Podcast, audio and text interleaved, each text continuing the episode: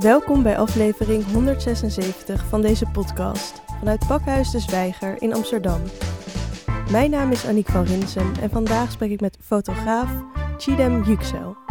Beste Chidem, van harte welkom. Dankjewel. Wat is fotografie voor jou? Oeh, fotografie voor mij is een manier om een verhaal te vertellen. Een manier om iets in de samenleving, in de wereld aan te kaarten, te laten zien. Om bezwaar te maken op uh, dingen die in de wereld gebeuren. Zoals mensen die hun huis en haard moeten verlaten en vluchten. Wat gebeurt er aan de grenzen van Europa? Dan is fotografie natuurlijk een ultieme manier om te laten zien wat er gebeurt. Dus voor mij is fotografie niet per se een mooi plaatje.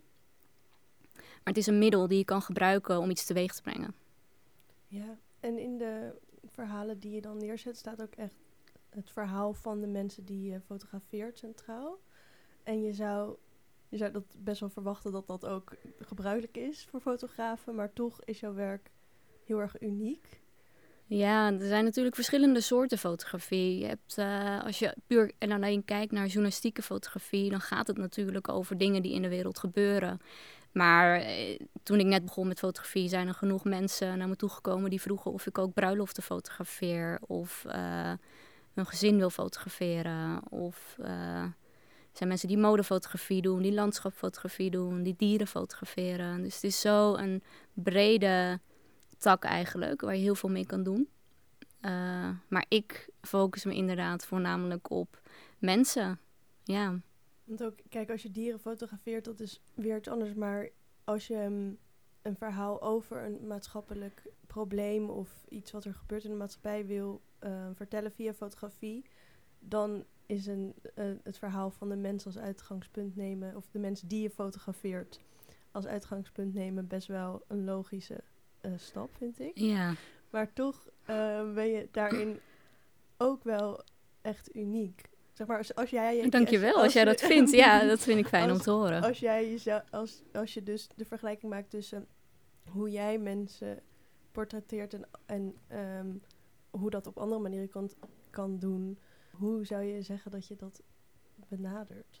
Ja, dat is natuurlijk ook wel een ontwikkeling en een proces. Ik bedoel, ik maak nu hele andere foto's dan uh, toen ik net begon met fotografie. Hè, ik heb het vak geleerd in de theaterwereld voor Adelheid Rozen. Dat waren mijn eerste betaalde opdrachten. Of ik scènes wilde fotograferen van de voorstellingen die zij maakten. Ja, dat vond ik fantastisch. En daarna ben ik stage gaan lopen bij de Volkskrant. En kreeg ik een hele andere kant te zien van fotografie. Namelijk uh, journalistieke fotografie, reportages, portretten, reisfotografie. Een heel breed spectrum waar ik, uh, waar ik het verder kon leren ook. Want ik ben autodidact. Ik heb geen opleiding tot fotograaf gevolgd. Dus het was heel veel doen en proberen. Het gebeurde ook nog wel eens dat ik met uh, hele slechte foto's terugkwam bij de krant. Maar het fijne aan zo'n omgeving was dat het nooit erg was. Ik was er om te leren. En daarna ben ik steeds meer ja, mijn eigen pad gaan bewandelen. Omdat ik ook bij de krant merkte dat. Uh, je hebt natuurlijk, je moet heel snel werken. De krant wordt elke dag gemaakt. Je komt, je fotografeert en je gaat weer. En ik had steeds meer de behoefte om verhalen te vertellen die iets meer de gelaagdheid en de complexiteit van het verhaal en van de mensen lieten zien. Dus op een gegeven moment ben ik mijn eigen pad gaan bewandelen en um, maakte ik mijn eigen, maak ik mijn eigen projecten door fondsenaanvragen te doen. Dus niet per se meer een opdracht, maar ik bedenk mijn eigen idee en samen met een aantal mensen proberen we daar geld voor te vinden en probeer ik het verhaal te maken. En in dat proces begon ik me dus ook steeds meer af te vragen: um, wat voor verhalen wil ik vertellen? Wat voor soort foto's wil ik maken? Waar dragen mijn foto's aan bij? Als ik nu terugkijk naar de foto's die ik maakte voor de krant in vluchtelingenkampen, eigenlijk zie ik alleen maar ellende vaak als het om reportagefoto's gaat. En ik begon daar steeds kritischer naar te kijken, omdat ik dacht, ja, waar zijn eigenlijk, waar zijn de andere foto's? Waar zijn de andere um, kanten, visueel gezien, van het leven van mensen?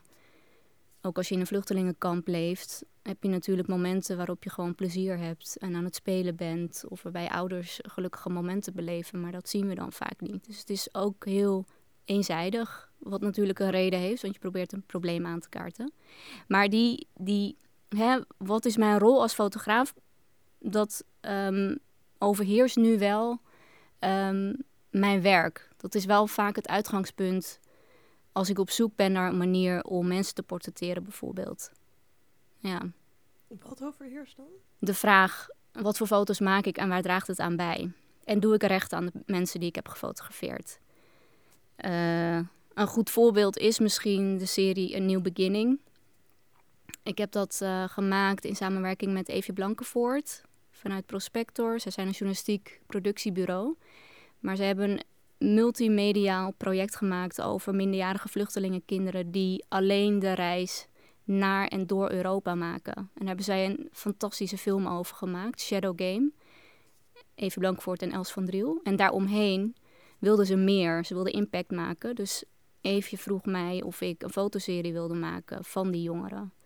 En uiteindelijk kwamen we op het idee om het verhaal te vertellen. Wat doet het met je als je je land verlaat? Je maakt alleen die reis door. En je komt aan op uh, de plek waar je wil zijn. Nederland, Duitsland, België. Hoe bouw je je nieuwe leven op? Het zijn vaak jongeren die uh, tieners zijn, je bent puber en onderweg groei je eigenlijk op. Onderweg krijg je een baardje, je krijgt een baard in je keel.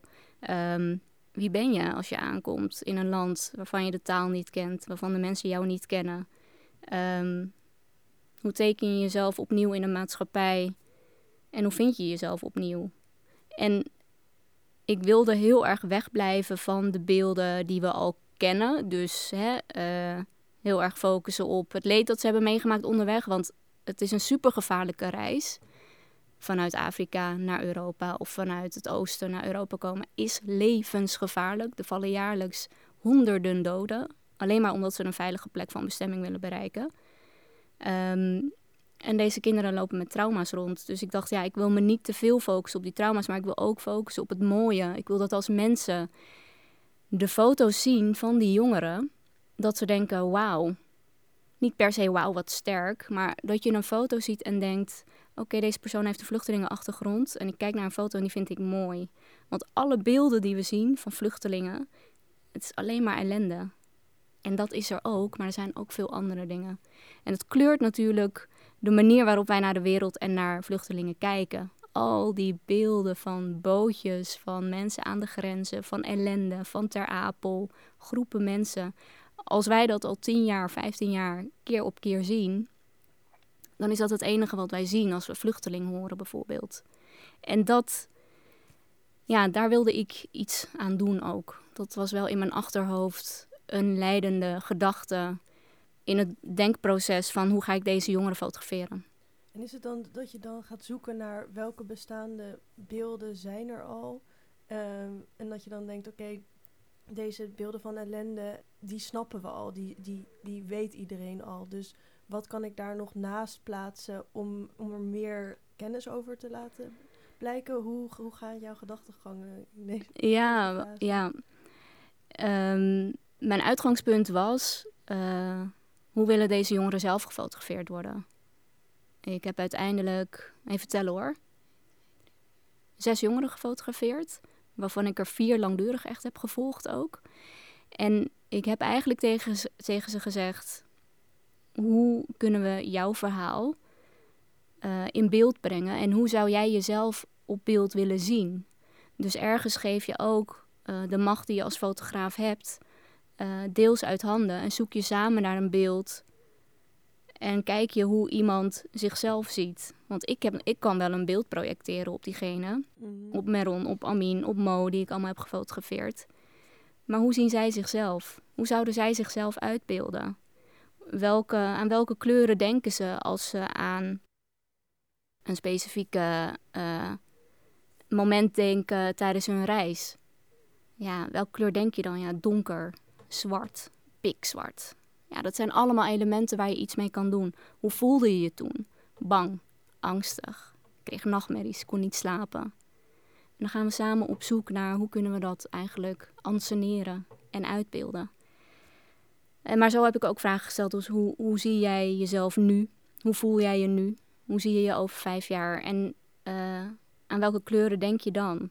En Meron Meron die uh, was 16 toen ze vertrok uit uh, Ethiopië. En ze kwam uit Eritrea, belandde in Ethiopië, maar toen ze 16 was, moest ze weg. Een levensgevaarlijke reis achter de rug uiteindelijk verblijfsvergunning gekregen en had ze een kamertje in Utrecht. En ik zat, wij zaten te chillen bij haar op haar bed. En zij luistert naar Beyoncé, Cardi B. En ze houdt van dansen. En als ze uitgaat, lange nagels. Uh, fantastisch natuurlijk. Het is natuurlijk ook gewoon een puber zoals jij en ik ook zijn geweest. Je houdt van muziek, je houdt van rap, je houdt van dansen. Je hebt vrienden, je hebt dromen. Dus ik zat met haar op bed en ik zei: Ja, als je je leven zou moeten uitstippelen, wat zijn je volgende stappen? Ze zei, ja, mijn vriendinnen zijn bezig met vriendjes hebben en uh, daten. Maar ze zei, ja, ik hoef daar helemaal niks van te weten. Ik hoef nu, nu geen jongen om me heen. Ik wil studeren, ik wil op mijn eigen benen staan. En dan pas uh, denk ik wel weer verder, maar ik wil op mijn eigen benen staan, zei ze. En ik zei, welke kleur is dat dan in jouw hoofd? En toen zei ze, felblauw. En uiteindelijk ik, en ik zei, hoe voel je je dan? Ze zei, super sterk voel ik me dan. En uiteindelijk hebben we samen een foto gemaakt waarin ik een blauw, allemaal blauwe doeken meenam. Een soort blauwe jurk om haar heen hebben gewikkeld. En een blauwe uh, pruik. Want af en toe uh, loopt zij zelf dus ook met blauw haar rond. Mm. Dan laat ze blauwe stukjes haar in haar haar zetten. En dan heeft ze hele mooie blauwe vlechten. Dus we hebben haar helemaal in het blauw gehuld. En toen uh, heb ik haar een beetje van onder gefotografeerd. Waarin ze echt met lange nagels, zoals een soort uh, krachtige vrouw eigenlijk, uh, in de camera kijkt. En dat beeld is natuurlijk volledig uniek. Want dat zien we nooit van een, van een Eritrees meisje met een vluchtelingenverleden. Ja, dat vind ik gewoon te gek om te maken samen met ze. Dat is een compleet ander perspectief van wat, dan wat we gewend zijn. Ja, zo, zo, ben, zo zijn we samen eigenlijk uh, gaan zoeken. Dus het is misschien ook dat er vaak een neiging is om mensen te klassificeren ehm, en dan alleen maar één kant te laten zien. En het is dus niet zo dat jij door een andere kant te laten zien niet zegt dat, er, dat, het, dat ze een hele zware tijd achter de rug heeft of dat er, dat het niet, dat er niet heel veel ellende mee gepaard is, maar dat dat niet het enige is. Die foto die jij samen met haar hebt gemaakt is ook waar. Ja, dat, en dat is vaak ook misschien een denkfout die we maken. Het bestaat allemaal naast elkaar. Dus wij als mensen, we maken verschrikkelijke dingen mee, maar we maken ook mooie dingen mee. En die, dat, die gelaagdheid van mens zijn en wat we, wat we in ons leven meemaken, dat is gewoon één pakket. Dus dat iemand een vluchtelingenverleden heeft, uh, betekent nog niet dat zij. Dat, zij is niet alleen dat. En dat is natuurlijk wel vaak wat we zien. Hè? Een vluchteling, iemand met een vluchtelingenachtergrond, wordt maar met één blik bekeken, namelijk oh wat erg. En uh, dat is de bril waarmee we iemand bekijken. Maar misschien is ze ook uh, inmiddels uh, moeder en heeft ze, een, zit ze op danslessen en weet ik veel, is ze super grappig, kan ze super goed koken, heeft ze grappige vlogjes. we zijn veel complexer als mens zijn natuurlijk ook. En het, het gevaar van die beeldvorming, laten we het zo maar noemen, is dat het een heel eenzijdige blik is waar mensen ook in de praktijk last van hebben. Want als je alleen maar door de buitenwereld als vluchteling wordt bekeken, bijvoorbeeld, dan daar, zit, daar zitten heel veel vooroordelen in. Mensen denken dat je slecht Nederlands spreekt, mensen denken dat je, uh, weet ik veel, alleen maar verdrietig bent of uh, geen idee. Ja, dat soort en dat is vervelend. Ja, wel een idee, want dat ja. zijn de dingen die je net noemt. Maar um, je zei ook net, ik ben een autodidact. Dus uh, wanneer ben je begonnen? Ik ben begonnen met fotografie toen ik uh, mijn masteropleiding deed. De masteropleiding journalistiek en nieuwe media aan de Universiteit Leiden. En dat was een opleiding die uh, heel erg gericht was op schrijven. De klassieke vorm van journalistiek. En ik dacht altijd dat ik goed kon schrijven en dat ik dat wilde. Maar ik merkte heel erg tijdens de opleiding dat ik um, niet zo goed onder druk kon presteren. Dus ik vond het heel moeilijk om artikelen en nieuwsberichten te schrijven met harde deadlines. En daar zat ik een beetje mee te ploeteren. En toen dacht ik wel van hoe kan ik alsnog het werk van een journalist doen? De wijde wereld in, mensen interviewen, spreken, al die verhalen horen, vond ik fantastisch. Hoe kan ik dat alsnog doen, maar dan, zonder dat ik hoef te schrijven? Bestaat dat? En toen dacht ik, hé, hey, dat bestaat, want er zijn natuurlijk ook fotojournalisten. En toen begon, ja, toen dacht ik aan fotografie. Ik, had, ik was daarvoor totaal niet bezig met fotografie. En ik denk dat ik toen 22 of zo was. En uh, toen kocht ik met mijn spaargeld een uh, spiegelreflexcamera, een Canon. Geen idee wat ik kocht ook. Uh, ja, en... Grote stap. Ja, dat maar gekocht. En toen heb ik met mijn docenten besproken of ik een aantal opdrachten dan niet schrijvend, maar in beeld kon doen. Nou, van sommigen mocht dat, van sommigen kon dat, dat kon echt niet. Maar zo is dat balletje een beetje gaan rollen. Toen ben ik dat gewoon een, gaan ontdekken ja, dus het was vooral vanuit de behoefte, hoe kan ik alsnog al die verhalen maken, maar zonder te schrijven. En dat, dat was met fotografie. En ja. hoe, hoe, was het om van medium te switchen, van, van tekst naar Ja, heerlijk. Ja. Ja, dat ging me echt veel beter af. ja. je een beeldende geest hebt? Of? Ja, blijkbaar. Blijkbaar, ja. Dat, dat, het is uiteindelijk goed gekomen. Dus dat was dan wel een goed... Uh, ja, toch een goede instinctieve uh, handeling wat ik toen maar heb gedaan. Ja. Maar ik denk dat ik het uiteindelijk toch wel een beetje van mijn moeder heb. Want als ik onze fotoalbums doorblader, dan zie ik nu ook, met mijn ogen van nu zeg maar, hè, met mijn ervaring als fotograaf, zie ik nu ook dat mijn moeder heel erg bezig was met uh, compositie, door je knieën gaan en iemand op ooghoogte fotograferen. Ik dacht, hé, hey, dat, dat, zei ik een tijdje geleden ook tegen haar. Van ja, ik dacht altijd dat ik het uh, van mijn vader of zo had. Want die heeft een beetje zo'n creatieve geest. Maar uh, ik heb het gewoon van jou. Mijn moeder was altijd degene die uh, met de fotocamera rondliep. En uiteindelijk ook met videocamera. Dus ons leven is heel goed geregistreerd door haar. Oh, leuk. Ik dacht, oh, dat heb ik eigenlijk gewoon van jou. Ja. Wat, wat zei ze toen je dat... ja, dan moest ze wel lachen. Dat kon ze wel beamen. ja. Ja. En, en hoe ga je dan te werk, of toen je misschien begon en je, je, zei het is heerlijk, maar hoe werkte dat dan? Waar, waarom was dat zo heerlijk? Ja, je bent natuurlijk. Ik was toen ook vooral aan het uitvogelen hoe de camera werkte. Dus ik zat online filmpjes te kijken. Maar ik, ging ook gewoon de straat op om fietsers te fotograferen. Ik heb een serietje gemaakt van fietsers in Amsterdam op de Dam. Om te oefenen met snelheid. Want die, die flitsen dan voorbij. Hoe krijg je dat scherp erop? uh, portretten maken. Ik kocht een softboxje voor thuis, want ik woonde toen nog thuis. En uh, ja, vroeg iedereen thuis van willen jullie even op het krukje zitten, dan kan ik oefenen met mijn softbox. En toen, uh, mijn vader was de enige die op dat krukje wilde zitten, niemand anders. En ik maakte een portret van hem en ik dacht, wauw, fantastisch. Had ook een heel, heel fotogeniek gezicht dat hij. Dus mijn vader is op een gegeven moment een soort van muze en oefen, oefenpersoon voor mij geworden om mooie portretten te maken. Ja, zo eigenlijk. Een beetje doen. Ik deed maar wat eigenlijk. Ja. En hoe meer je het doet, hoe meer je het gaat begrijpen wat je doet. Ja. Want het is misschien wel in de reflectie daarna ga je natuurlijk een beetje dan bekijken wat de resultaten zijn die jij eigenlijk beoogt en wat niet. Ja, ja. En zelfs in het begin had ik geen idee wat ik beoogde. Ik had geen idee. Maar ik wist wel dat het verhaal wat ik wilde vertellen een leidraad was. Dus op een gegeven moment werd het fotograferen van mijn vader werd ook een verhaal. wie is hij? Ik was helemaal niet zo close met hem, maar wie is hij dan? En waarom beweegt hij zich zo? En hoe komt het nou dat ik hem zo fascinerend vind op die foto's? Dus ik begon op een, op een hele andere manier te bekijken. En ik uh, begon toen ook voor een heel klein krantje te werken. En daarvoor mocht ik af en toe portretjes maken. Dus ik was heel uh, actief eigenlijk bezig. Um, ja, en zo kwam ik eigenlijk ook bij Adelheid Rozen terecht. Ik ging gewoon een keer mee. Ik interviewde een van haar makers, Nasmia Oral. En zij vertelde wat ze aan het doen waren daar. En ik wilde een keer mee om gewoon te fotograferen. Gewoon. En toen maakte ik die foto's van een generale repetitie. Van welke voorstelling? Dat was de Wijksafari. Wijksafari Slotenvaart. En die foto's stuurde ik uh, op naar iemand daar van, van, uh, van het gezelschap. En Adelheid zag die foto's en die vroeg of ik, uh, of ik de volgende voorstelling ook wilde fotograferen voor, voor geld.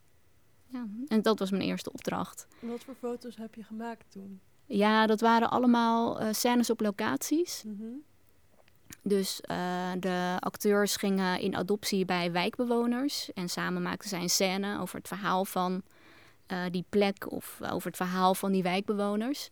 En als publiek zit je eigenlijk in de woonkamer. Dus ja, ik, ik maakte foto's van wat daar toen gebeurde, zeg maar. En ik zat er middenin. Dus ik denk dat dat toen iets was wat adelheid aansprak. Mm, dat als je de foto zag, dat het leek alsof je er al tussen zat. Want het was van heel dichtbij.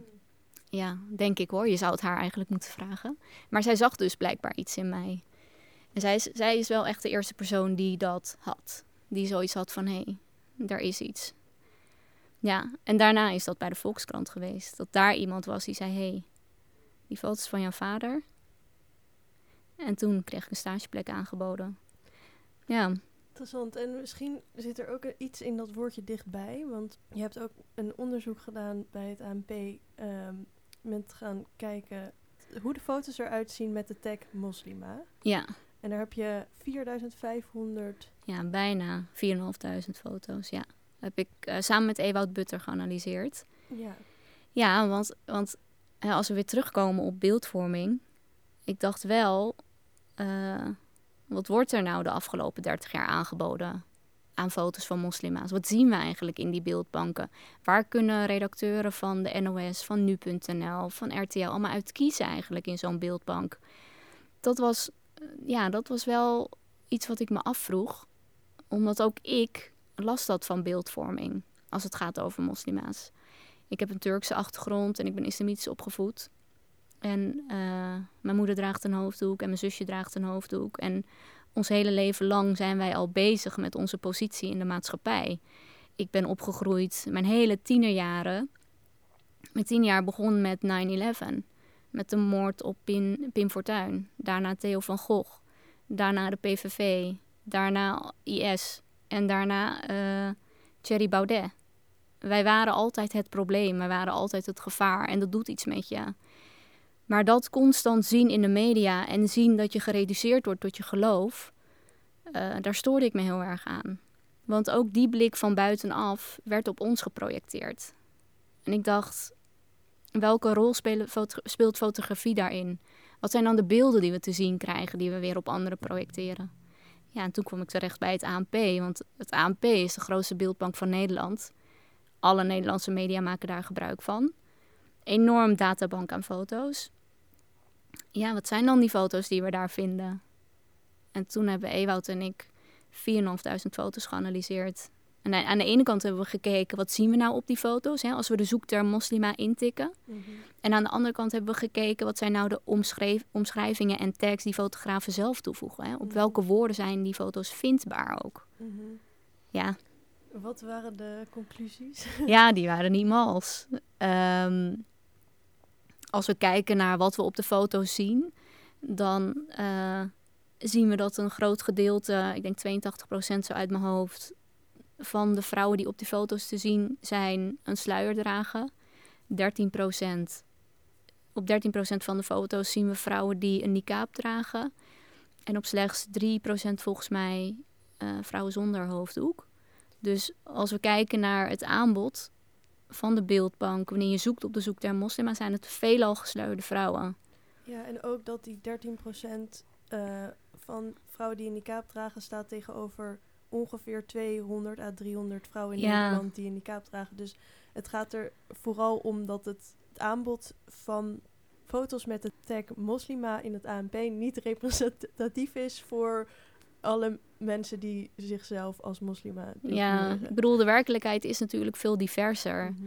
Je hebt, natuurlijk heb je mensen met hoofddoek, maar je hebt er ook heel veel zonder hoofddoek. En je hebt ze in allerlei kleuren, vormen, maten, leeftijden. En dat zien we allemaal niet terug. Het is heel eenzijdig. Ook als we zien waar die vrouwen zijn gefotografeerd, dat is grotendeels op straat, op de markt, in het OV, ehm, op een beurs, maar nauwelijks in hun eigen huiselijke omgeving. Uh, we zien ze nauwelijks aan het werk, nauwelijks als ze sport, aan het sporten zijn, nauwelijks in een culturele instelling. we, we zien ze grotendeels als passief wezen die over straat lopen. En dat doet natuurlijk helemaal geen recht aan de realiteit, want dat is niet zo. Het viel je ook op dat veel foto's zijn genomen van half van afstand en dan ingezoomd. En dat ben je safari foto's. Ja. Ehm, maar dat is natuurlijk... Dan krijg je een heel ander, eh, eh, andere foto dan als je niet inzoomt en echt fysiek als fotograaf dichtbij moet komen. Want de persoon die dan gefotografeerd wordt, die weet dan dat die gefotografeerd wordt. Dat eh, krijg je gewoon een heel, heel andere foto. Ja, ja, tuurlijk. Ik bedoel, je kan een foto op heel veel verschillende manieren maken. En als we kijken naar veelal die straatfoto's, bij het zien van die foto's, keer op keer op keer, kreeg ik echt het gevoel dat de fotograaf op safari was om een mens met een hoofddoek te spotten.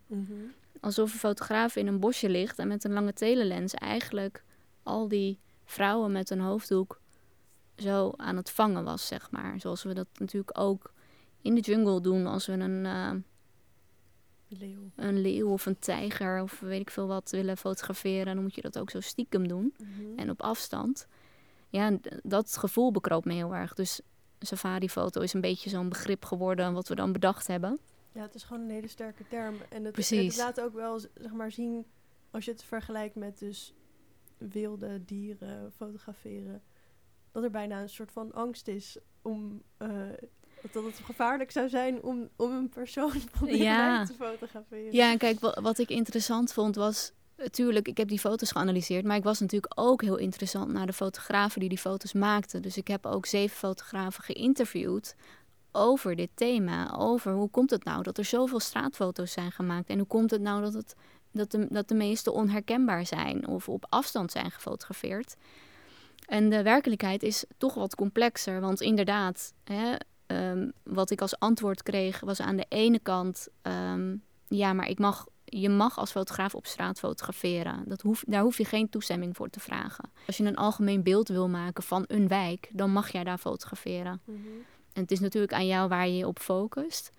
En aan de andere kant hadden zij het erover van ja, als we toestemming vragen, dan mag, mag het vaak niet. Of eh, dan krijgen we later een telefoontje van hé, hey, ik sta herkenbaar op die foto, wil je die toch eraf uithalen? Dus onherkenbare foto's zijn makkelijker in te zetten voor foto's. Want hè, als het een algemeen bericht is, dan kan je makkelijk foto's plaatsen van mensen die op hun rug zijn gefotografeerd. Ehm, dus het is een complex speelveld waarin je zit eigenlijk ook als fotograaf.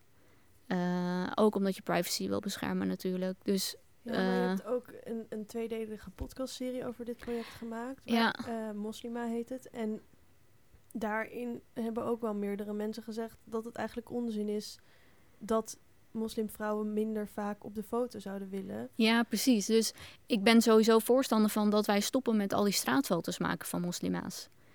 Probeer andere manieren te bedenken om moslima's te fotograferen. Waarom maken we constant straatfoto's? Het is makkelijk. Dat is, het, dat is de enige reden. Ehm, dus ik zou heel graag willen dat we andere foto's zien. Moslima's aan het sporten, moslima's aan het werk, moslima's die een culturele instelling bezoeken bijvoorbeeld. Dingen die we niet zien, die vrijwilligerswerk aan het doen zijn, die leiding aan het geven zijn, die ehm, van alles aan het doen zijn eigenlijk, die een podcast aan het opnemen zijn. Ik noem maar wat, want die zijn er ook en dat zien we nauwelijks, die beelden. Ja, en een, een deel is dus dat die foto's niet representatief zijn. Maar iets wat misschien nog wel problematischer is, is de tekst die er aan die foto's wordt gehangen. Ja, Zou je daar wat over willen vertellen? Ja, dus als je als fotograaf foto's maakt en je wil dat aanbieden via een beeldbank, dan moet je als fotograaf die beelden zelf uploaden in het systeem. En de bedoeling is dat je dan wel de gegevens, hè, wat zien we op de foto, dat je dat erbij zet. Dus als je een foto uploadt van een gesluierde vrouw die door de Javastraat loopt, dan moet je daarbij zetten, een gesluierde vrouw loopt over straat, eh, daar en daar, op die en die tijdstip. Ehm, op vrijdag 13 februari of zo. Eh, dat is de context. Want als jij hem wil gebruiken straks voor je artikel, moet je weten waar je naar kijkt. Ehm, maar wat de meeste fotografen doen, is dat ze daar veel en veel meer context en woorden aan toevoegen. Ehm, zoals eh, woorden als allochtoon, integratie, inburgering, islamisering, in sommige gevallen zelfs veiligheid, sharia, terrorisme bij foto's van vrouwen die op straat lopen. Vrouwen die daar niks mee te maken hebben. En wat we ontdekten was dat fotografen het politieke en het maatschappelijke debat over de islam, de woorden die we in dat debat gebruiken, die in artikelen doorcijpelen, dat zij die ook eruit plukken en weer in het systeem van de beeldbank zetten en koppelen aan foto's van gesluierde vrouwen. Dus als jij dus terrorisme intikt of islamisering in de beeldbank, dan kom je dus ook gesluierde vrouwen tegen die gewoon op straat lopen. Een croissantje aan het kopen zijn. Een croissantje aan het kopen zijn, uh, aan een iftarmaaltijd zitten. Um, ik noem maar wat. En dat is natuurlijk ontzettend problematisch. En als ik dan vraag aan fotografen, waarom doen jullie dat dan? Want het is toch super problematisch. 9 van de 10 keer beamen ze dat het problematisch is. Ze schamen zich er, zich er zelfs voor. Maar uh, ik wil mijn foto vindbaar maken, is dan het motief. Inderdaad, je wil je foto's verkopen. En omdat er zoveel foto's in zo'n beeldbank zitten, moet je zoveel mogelijk woorden toevoegen om de kans te vergroten dat zo'n beeldredacteur op zo'n foto komt. Maar je zou het in theorie ook kunnen doen. Winkelen, uh, vrije dag. Ja, maar ergens is het commercieel gezien natuurlijk een gemiste kans. Want de islam is een veel besproken onderwerp en we schrijven er veel over in de media. Dus uh, waarom zou je dan, daar dan geen uh, moslim, hoofddoek, islam bij schrijven? Ja. Helaas, dit is de situatie. Ja.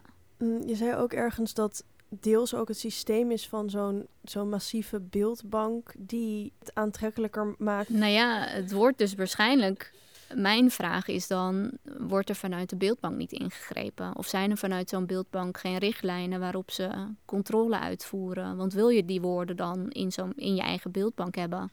Dus de vraag, eh, wie is er verantwoordelijk voor dit systeem, popt natuurlijk op. Is dat de fotograaf? Is het de beeldbank die moet ingrijpen? Of zijn het de fotoredacteuren die dan niet op die woorden moeten zoeken? Wie is hier degene die aan de knoppen kan draaien? En dat is natuurlijk ook de vraag die wij in onze podcast stellen, samen met Baartje Duin. Wat, wat, wat kan de beeldbank doen? Waarom laten jullie dit soort uh, woorden toe? En wat kan de fotograaf doen? Waarom schrijven jullie dit soort woorden? En wat kan de beeldredacteur doen? En daar kwam helaas geen oplossing uit. Want niemand wil iets doen. Ja, je zou bijna uh, een nieuwe beeldbank willen. Je hebt in Nederland het Beelddepot. En zij zijn ook met een soortgelijk onderzoek begonnen wat ik heb gedaan, maar dan gericht op dak- en thuislozen. En zij zijn nu een nieuwe beeldbank aan het maken samen met fotografen om de media andere foto's van dak- en thuislozen aan te bieden. Want zij hebben ook heel erg te maken met een stigma. Je hebt uh, de inclusieve beeldbank Emma. En zij hebben naar aanleiding van mijn onderzoek zijn zij een beeldbankje gestart. En bieden zij foto's aan de media aan van moslima's die in hele andere situaties zijn gefotografeerd, zoals een bezoekje aan het Rijksmuseum. En daar kan je ook gewoon gebruik van maken. Het, uh, um, wat ze dan wel vragen aan de gebruiker is: uh, we willen van tevoren wel weten in welke context je het beeld gebruikt. En als het een negatieve context is, dan mag je dit, beeld niet gebruiken. Ja, het lijkt me heel leuk om met dat soort initiatieven um, te spelen, zeg maar. Ik vind het heel leuk dat ze dit doen en goed. Maar je hebt bijvoorbeeld ook internationale beeldbank Getty Images.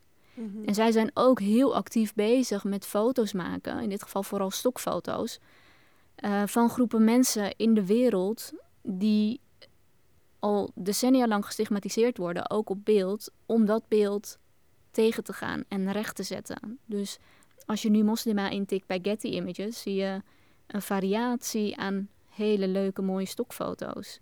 Als je uh, een vrouwelijke zakelijke leider intikt bij Getty Images, kom je hele toffe foto's tegen. Als je op queer mensen zoekt, kom je hele leuke foto's tegen. Foto's die we willen zien, die we nooit zien. Dus er zijn wel instanties die ermee bezig zijn, maar het is misschien nog niet genoeg. Ik weet het niet. Voor de podcastserie spraken jullie ook Berna Toprak. Ja. En zij zei dat beeldvorming ook een eigen leven gaat leiden, waar tot je je dan gaat verhouden. En ja, ze beschreef eigenlijk hoe ze ook zelf zichzelf de hele tijd aan het meten was tot die stereotype beeldvorming. Maar dat ze het ook merkte dat ze dat bij andere uh, moslimvrouwen ging doen. Dat als zij dan minder in het stereotype viel dan die andere vrouw, dat ze dan zich eigenlijk beter voelde, heel kort gezegd. Ja. Ehm, zou je misschien nog wat meer kunnen vertellen over waarom zo'n stereotype beeldvorming, hoe dat precies werkt? Het probleem met stereotype beeldvorming is dat het ehm, ook echt onder je huid gaat zitten. Je internaliseert het zelf ook. Eigenlijk doet iedereen dat. Maar als jij jezelf, stel je bent een gesluierde vrouw of niet gesluierd, we hebben, je, het gaat constant over je achtergrond. Dat stereotype beeld wat je dan al je hele leven te zien en te horen krijgt, dat ga je zelf ook geloven. Dus als jij jezelf nooit terugziet in een tv-programma, in als presentator van een sportprogramma bijvoorbeeld, of uh, als cameraman achter de schermen, dan denk je ook echt dat dat niet mogelijk is. Als het allemaal witte omgevingen zijn die je constant ziet, dan denk je, oh ja, daar, daar moet ik het in ieder geval niet gaan zoeken. Maar je bent zelf natuurlijk ook constant bezig met de buitenwereld. Dus die beeldvorming ga je natuurlijk ook internaliseren. Ik bedoel, als je een uh, puber bent, een jonge moslim, uh, Marokkaans, Turks of wat dan ook achtergrond, en je begeeft je op straat. Uh, hoeveel van die jongeren zijn wel niet bezig met. Oh ja, ik moet niet te bedreigend overkomen. Laat ik maar glimlachen, want dan weten mensen van: oh ja, voor mij hoef je niet bang te zijn. Vooral in de periode dat IS heel actief was en dat al die terroristische aanslagen werden gepleegd. Dat is heel eng. Want je wordt zelf ook als verdachte gezien. Na 9-11, bij die aanslagen, heeft onze buurman, die al jarenlang naast ons woont, ons een paar maanden lang geen hallo meer gezegd. Want, want wij waren opeens de buren die moslim waren. Dus wij waren medeplichtig. Dus uh, vanuit ons gezien, vanuit mij gezien, ik was ook constant bezig uh, de buitenwereld laten weten dat ik niet ben wat zij denken dat ik ben dat ik niet uh, super conservatief ben en dat ik ook echt wel een keertje mee kan om een borreltje te doen. Um, dat ik prima Nederlands spreek. Dat ze voor mij niet hoeven te, bang hoeven te zijn. Um, je bent constant bezig met hoe de ander jou bekijkt. En dat doen heel veel mensen met een bepaalde achtergrond. Want zij weten, ik word nu op een bepaalde manier bekeken, maar dat ben ik niet. Dus het is een constante gevecht. Ja, dat is wat beeldvorming met je doet. En dat is heel schadelijk. En dat is ook een van de redenen waarvan ik denk, dit, moet, dit moeten we echt anders doen. De reden waarom het zo moeilijk gaat, is omdat de mensen die aan de knoppen zitten, de mensen zijn waar de beeldvorming niet over gaat. Zij voelen het niet.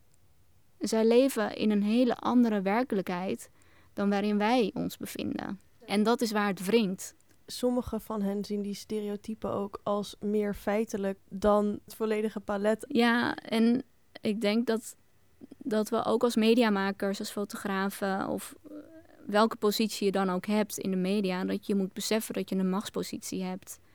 Jij bepaalt hoe de rest van de samenleving naar de wereld en naar andere mensen kijken. Door welke venster wij de wereld zien, maar ook andere mensen gaan zien. Dat is echt heel uh, belangrijk om je dat te beseffen. En des te meer is het belangrijk om na te gaan dat wat je maakt, of dat wel klopt. En dat je rekening houdt met een correcte weergave van wat er gebeurt. Hè. Beeldvorming. Je hoort ook rekening te houden met de jarenlange beeldvorming die we al achter de rug hebben. Wat is nou het fundament waarop jij nu weer je volgende artikel aan het schrijven bent over Marokkaanse criminelen? Wat is de achtergrond waarin jij je volgende item maakt over moslims die niet willen integreren of een gevaar vormen? Dus allemaal stapelt zich allemaal op. Ja. En een, een hele schrijnende manier waarop ook zichtbaar wordt hoe hardnekkig het stereotype beeld van een moslima is, ehm, is als je dat in gaat voeren in een uh, artificiële intelligentie mm -hmm. beeldmachine. Dat heb jij al uh, uitgeprobeerd. Zou je kunnen vertellen wat daaruit is gekomen? Ja, naar aanleiding van de podcast zijn wij een driedelige programmareeks gaan organiseren over beeldvorming en moslima's, maar ook breder. En onze laatste publieksprogramma gaat over AI, kunstmatige intelligentie.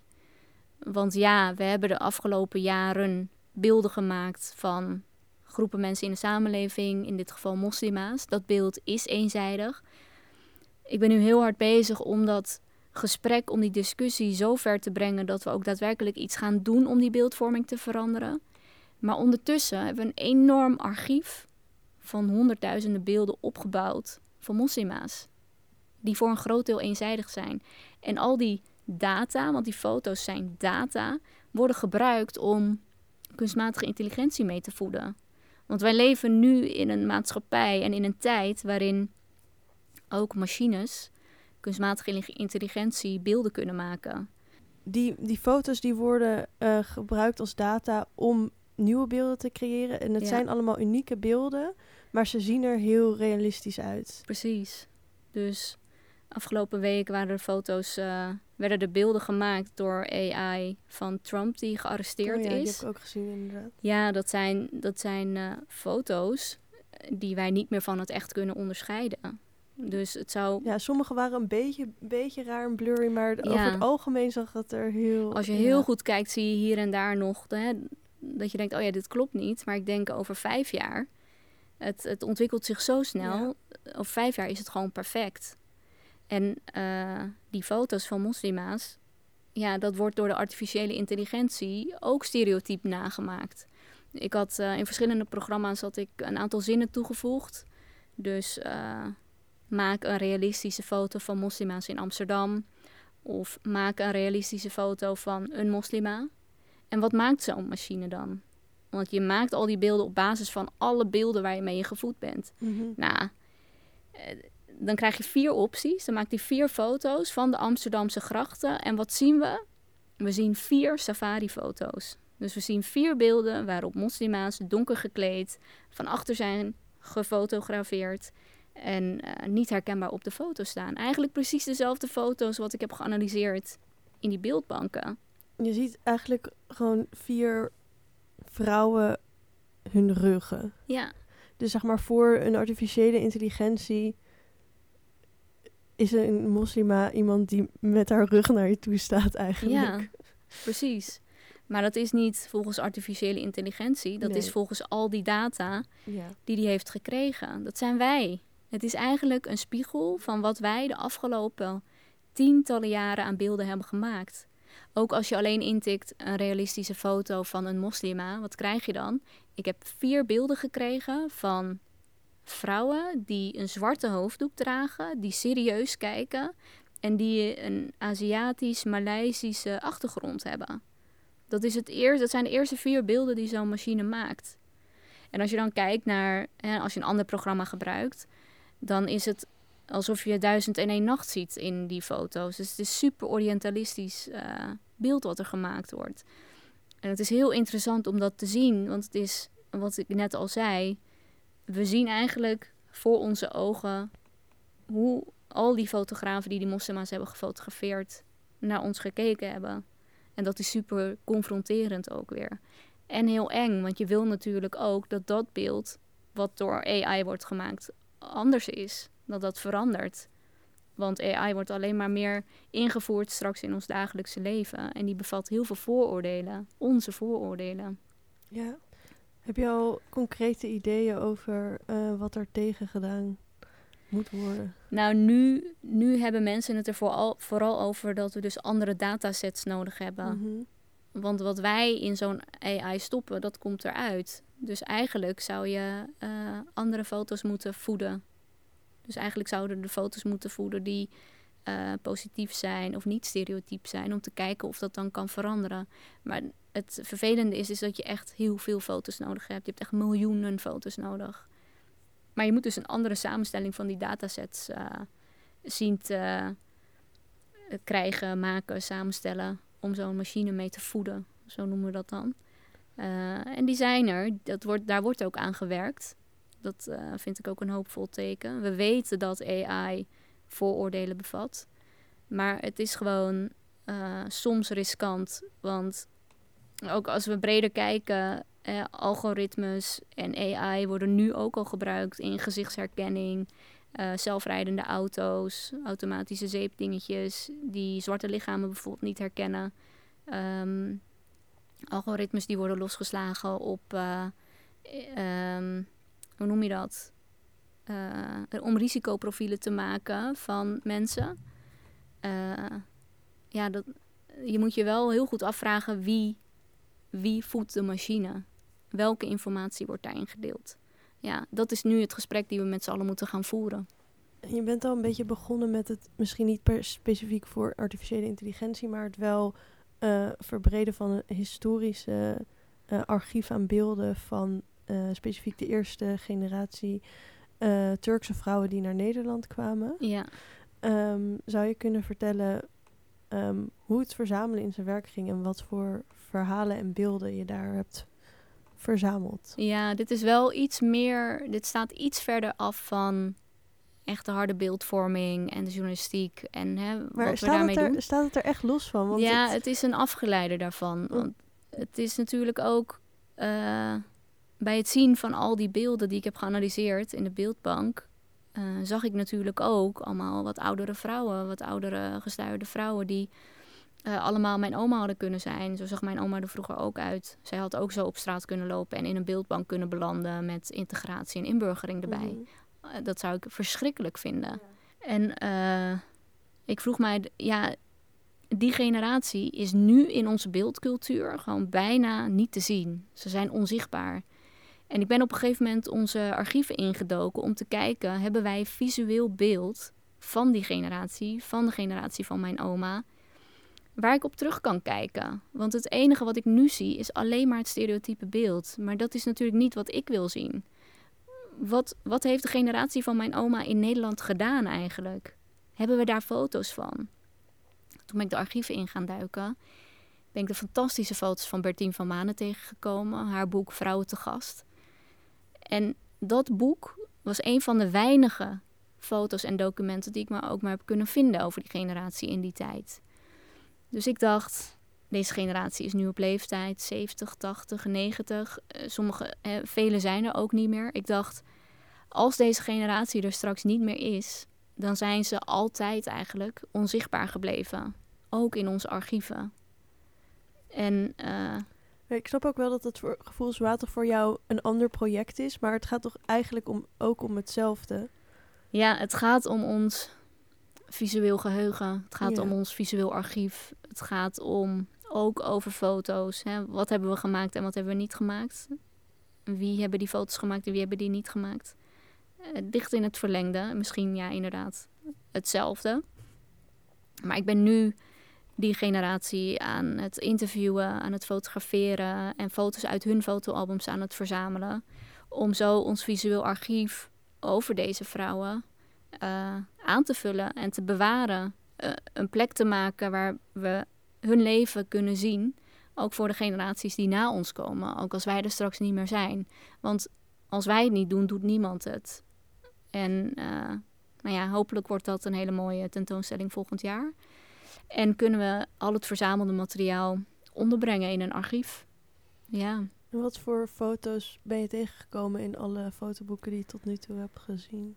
Ja, het is heel leuk altijd om uh, zo'n bezoekje af te leggen. Want vaak zijn het de kinderen en de kleinkinderen waarmee ik in contact kom via social media. Die dan zeggen van ja, mijn moeder wil of uh, kom bij mijn oma langs. En dan uh, kom ik daar en dan staat de thee al klaar op tafel en de fotoalbums staan al klaar op tafel. En oma die zit. En dan vraag ik meestal van, oh hallo, weet u waarom ik hier ben? Heeft uw uh, dochter of kleindochter al iets uh, erover verteld? Ja, ja, ja, ik weet het allemaal. Kom, laten we beginnen. En dan komen de verhalen. En wat ik dan al bladerend door die fotoalbums zie... een leven zoals we die allemaal kennen natuurlijk haar le leven in Turkije. Een aantal foto's uit het dorp of uit de stad. Uh, de eerste trouwfoto's. Dan het eerste kindje. Nog een foto op werk. Um, uh, veel foto's uh, in, in de keukenhof bijvoorbeeld. Dat was toen heel in. van alles. Foto's met de buurt, met de buren. ja, heel mooi, heel leuk om te zien. En het fascinerende daaraan is dat natuurlijk een enorme tijdsperiode tussen zit. Dus je ziet hoe iemand jong is geweest en hoe, hoe diegene een gezinnetje heeft, is begonnen, wat hij op werk heeft gedaan. En, en hoe ze nu is met rimpels en uh, hoe ze terugblikt op haar leven. Dat is heel leuk om te horen. En dan maak ik een heel mooi, mooi portret zoals ze nu zijn. En een bewuste keuze daarbij is dat ik een mooi licht meeneem, een mooi achtergronddoek meeneem en ze heel mooi, heel scherp in de camera kijkend fotografeer. Uh, want zo wil ik ook dat ze gezien worden. Ja. Ja, het lijkt me heel mooi om dat te doen ook. Ja, het geeft me heel veel voldoening om het te doen. Ja. En het is heel uh, leuk. Ook voor mij is het een soort antigif op wat ik altijd heb gezien of gehoord. Ook van deze groep vrouwen. Je gaat natuurlijk zelf ook geloven. Want wat is het verschil tussen het stereotype wat er over deze vrouwen bestaat en de verhalen die jij nou ja, het stereotype beeld wat we van deze vrouwen geschetst hebben, is dat ze uh, geen goed Nederlands spreken, geïsoleerd leven, um, niet goed geïntegreerd zijn, onderdrukt worden. Ja, stille, volgzame vrouwen zijn. Maar dat is alles, ze zijn alles behalve dat. Tuurlijk heb je af en toe wel zo'n vrouw ertussen zitten, maar als je die vrouwen spreekt, dan uh, vertellen ze hun leven. En ik mis heel erg die gelaagdheid. Ik mis heel erg hoe je als mens een leven leidt als je uh, migreert. Wat doet migratie met iemand? Hoe komt het dat iemand de taal niet heeft kunnen leren, maar wel heeft willen leren? Uh, in welke systemen, systemen zat zij vast? Zij is niet een onderdrukte vrouw, maar binnen de omstandigheden. Hè, die man wilde misschien niet dat zij te veel deed. Maar binnen de omstandigheden die ze had, heeft ze heel veel kunnen doen. Er zijn vrouwen die zelf de taal hebben geleerd door uh, met handgebaren bij de uh, groenteboer toch een aantal woorden te leren van de dingen die ze kochten. Door toch een aantal kranten die thuis belanden, daar de woordjes van te leren. En uiteindelijk uh, Nederlands konden spreken en bij de dokter konden uitleggen wat hun kind mankeerde. Of die van de chef in het naaiatelier waar ze werkte Nederlands konden leren. Of collega's die, ze, die, die ze geleerd heeft. En uh, de dromen die ze hebben moeten opgeven door de omstandigheden, doordat je moet uh, overleven, doordat je voor je kinderen wil zorgen, doordat je van je schoonfamilie niet mocht. Er zijn heel veel dingen die mensen niet hebben kunnen doen, maar die ze wel hadden willen doen. En ik vraag me heel vaak af hoe ik dan mijn leven dan geleid zou hebben als ik binnen die structuren, binnen die mogelijkheden had moeten leven. Zij hebben gedaan wat ze konden doen.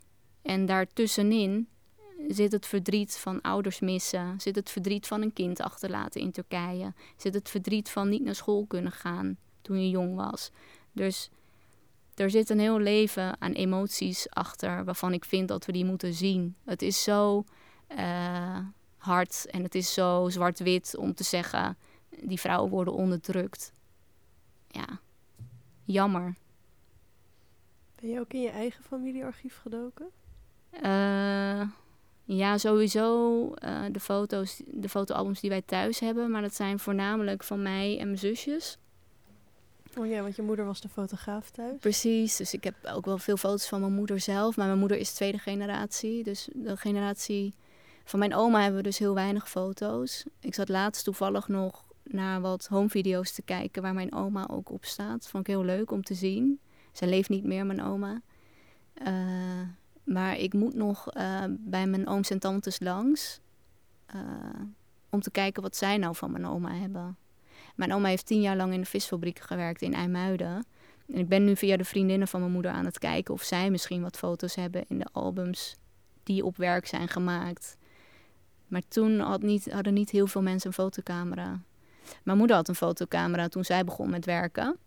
En zij heeft toen uh, haar collega's gefotografeerd. En uh, dat liet ze dan afdrukken, al die foto's. En uh, dat, dat verkocht ze dan weer voor een paar euro. Vond ik heel leuk om te horen. Dus ze maakte er dan eigen business van. dus je bent echt in de voetstappen van je moeder getreden? Nou ja, steeds meer. Ik kom daar dus steeds meer achter. Ja. En als het gaat om stereotypering in beeldvorming, hoe kijk je dan eigenlijk naar de toekomst? Wat ik nu na de uitzending van de podcast heel erg merk, maar en dat komt ook door dat enorme protest was wat ontstond, anti-racisme-protest, na aanleiding van de moord op George Floyd, is dat veel meer mediabedrijven, journalisten, fotografen bezig zijn met dit thema. We willen het nu goed doen. Dus ik merk heel erg dat er beweging in zit. die weerstand van de hakken in het zand en het niet willen zien hè, over beeldvorming. Uh, dat is wel, ik merk echt dat dat langzaamaan aan het veranderen is. Dat mensen willen weten wat ze fout doen en ook willen weten hoe ze het goed kunnen doen. Dus hoe kan ik als beeldredacteur dan wel de juiste foto kiezen? Hoe kan ik als fotograaf dan wel de juiste foto maken? Uh, wat zijn de dilemma's waar mensen tegenaan lopen als fotograaf? Dus ik word uitgenodigd om workshops te geven, om lezingen te geven, om gastcolleges te geven op scholen. En ik merk heel erg dat het een onderwerp is, representatie, beeldvorming en ook dat het anders moet, dat dat steeds meer omarmd wordt. En hier en daar zijn er natuurlijk mensen die het onzin vinden of het wel belangrijk vinden, maar niet bereid zijn om iets te doen. Maar ik moet zeggen dat het merendeel volgens mij ervoor open staat om hier serieus naar te kijken. Heel veel dank, Chidem Yüksel. Dankjewel voor de uitnodiging. Beste luisteraars, dit was aflevering 176 van de podcastserie van Pakhuis de Zwijger. Wil je meer weten? Kom dan op woensdag 5 april om 8 uur naar het derde programma in de serie Moslima, Future Image Making, in Pakhuis de Zwijger. Vind je het leuk wat we doen? Overweeg dan vriend te worden via dezwijger.nl slash word-vriend. Of abonneer je op deze podcast via Spotify, Soundcloud, Apple Podcast of een ander podcastplatform. Bedankt voor het luisteren en tot de volgende keer.